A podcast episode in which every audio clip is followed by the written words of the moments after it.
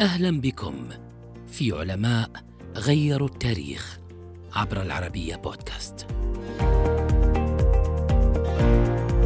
خاض رحلات في معظم مناحي العلم، كان متعطشا لا يهدأ. الحسن بن الهيثم المؤسس الأول لعلم البصريات، ولد في عام 965 برع في الفلك والرياضيات والفيزياء والهندسة وطب العيون له خمسة وتسعون كتابا في مختلف المجالات وصل لنا منها خمسة وخمسون مؤلفا فقط. المناظر هو أبرز كتبه. صحح فيه نظريات بطليموس وأرسطو وإقليدس. جمع بين الجوانب الرياضية والفيزيائية والفسيولوجية في نظرية بصرية موحدة. شرح طبيعة الضوء والرؤية من خلال غرفة أسماها البيت المظلم. وأثبت أن الضوء يأتي من الأجسام إلى العين وليس العكس كما كان يعتقد.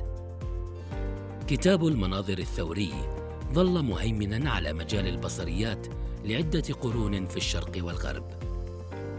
أرسى فيه مبادئ اختراع الكاميرا والتصوير الفوتوغرافي. يعود له الفضل في تشريح العين تشريحا كاملا وتوضيح وظيفة أعضائها.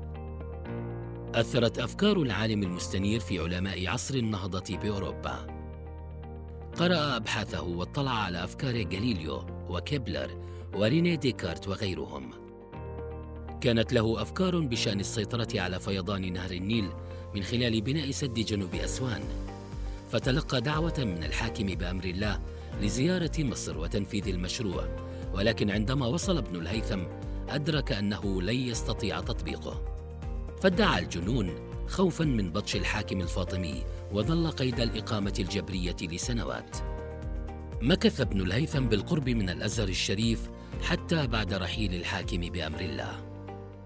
أبو علم البصريات الحديث توفي عن أربعة وسبعين عاماً.